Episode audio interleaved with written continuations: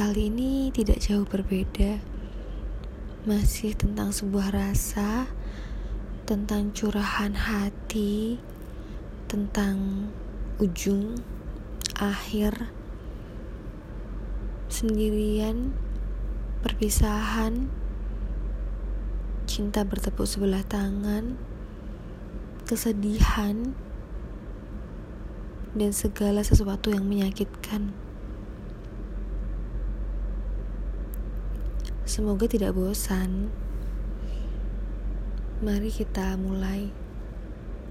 Kali ini tentang selesai.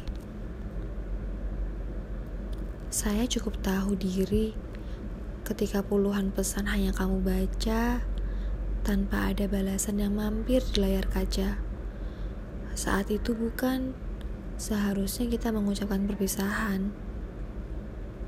Saya harusnya sadar untuk menurunkan jangkar, menepi, kemudian terkapar.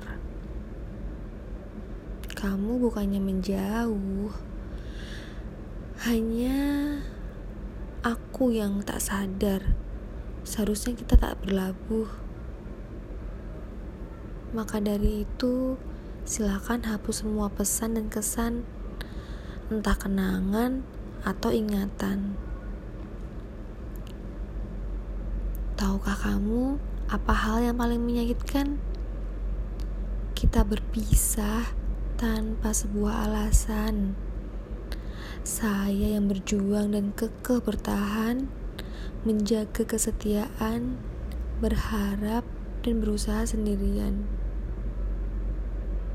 Saya harap kamu merasakan sakit sebanyak yang saya rasa, luka sebanyak yang saya derita terus menangis dan tak pernah tertawa. Kita harus imbas, sama-sama tak waras, terjatuh dan tertindas.